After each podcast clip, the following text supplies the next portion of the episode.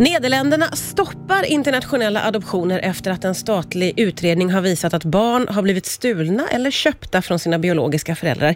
Med på telefon nu finns Tobias Hübinette som är docent vid Karlstad universitet och som har forskat kring adoption länge.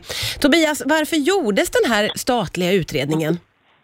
Ja, det beror på att eh, för två år sedan så uppdagades det att eh, holländska staten hade varit inblandad i korrupta adoptioner inte minst då via holländska beskickningar utomlands. Och I det här fallet handlade det om ett adoptionsfall i Brasilien. Och då valde den dåvarande holländska regeringen helt enkelt att tillsätta den här statliga utredningen för att gå till botten med hur omfattande den, den här korrupta adoptionsverksamheten har varit genom åren. Och vad är det man har kommit fram till? Ja, man har i stort sett kommit fram till att ända sedan den internationella adoptionen eh, föddes i just Nederländerna på 60-talet och det var ju samtidigt med Sverige mm. så har eh, upprepade fall av eh, korrupta adoptioner ägt rum från en mängd olika ursprungsländer. Man har tittat på sammanlagt 23 olika ursprungsländer. Och eh, man befarar också att det kan vara så här än idag, det vill säga att det förekommer oegentligheter och därför har man beslutat att tills vidare stoppa adoptioner. Du menar ju att den här utredningen är historisk?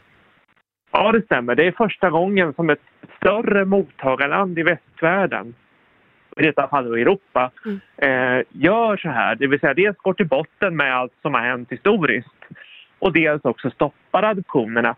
Och dessutom ber de adopterade i Nederländerna om ursäkt. De är ungefär 40 000. Mm. Hur kan det här komma att påverka adoptionsfrågan i Sverige tror du? Eftersom Nederländerna är ett land som är väldigt likt Sverige då och de skandinaviska länderna det är ett land som också adopterat väldigt mycket barn som Sverige och de skandinaviska länderna har gjort så tittar naturligtvis den svenska regeringen på vad som händer i Holland just nu. Mm. Och eh, eh, det är också så att det är samma länder Sverige har adopterat ifrån som holländarna har adopterat ifrån så att eh, det kan ju bli så att det nu kommer tillsättas en liknande utredning i Sverige.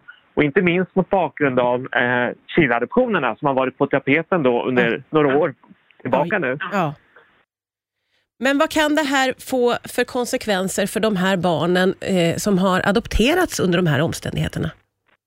Ja, eh, det är faktiskt ytterligare ett, eh, en rekommendation som eh, den holländska utredningen eh, har kommit fram till då och som regeringen dessutom kommer att hörsamma. Man skriver också att eh, de här ungefär 40 000 utlandsadopterade i Nederländerna, det är inte så att alla de har kommit till Holland på oegentliga sätt, men många har gjort det.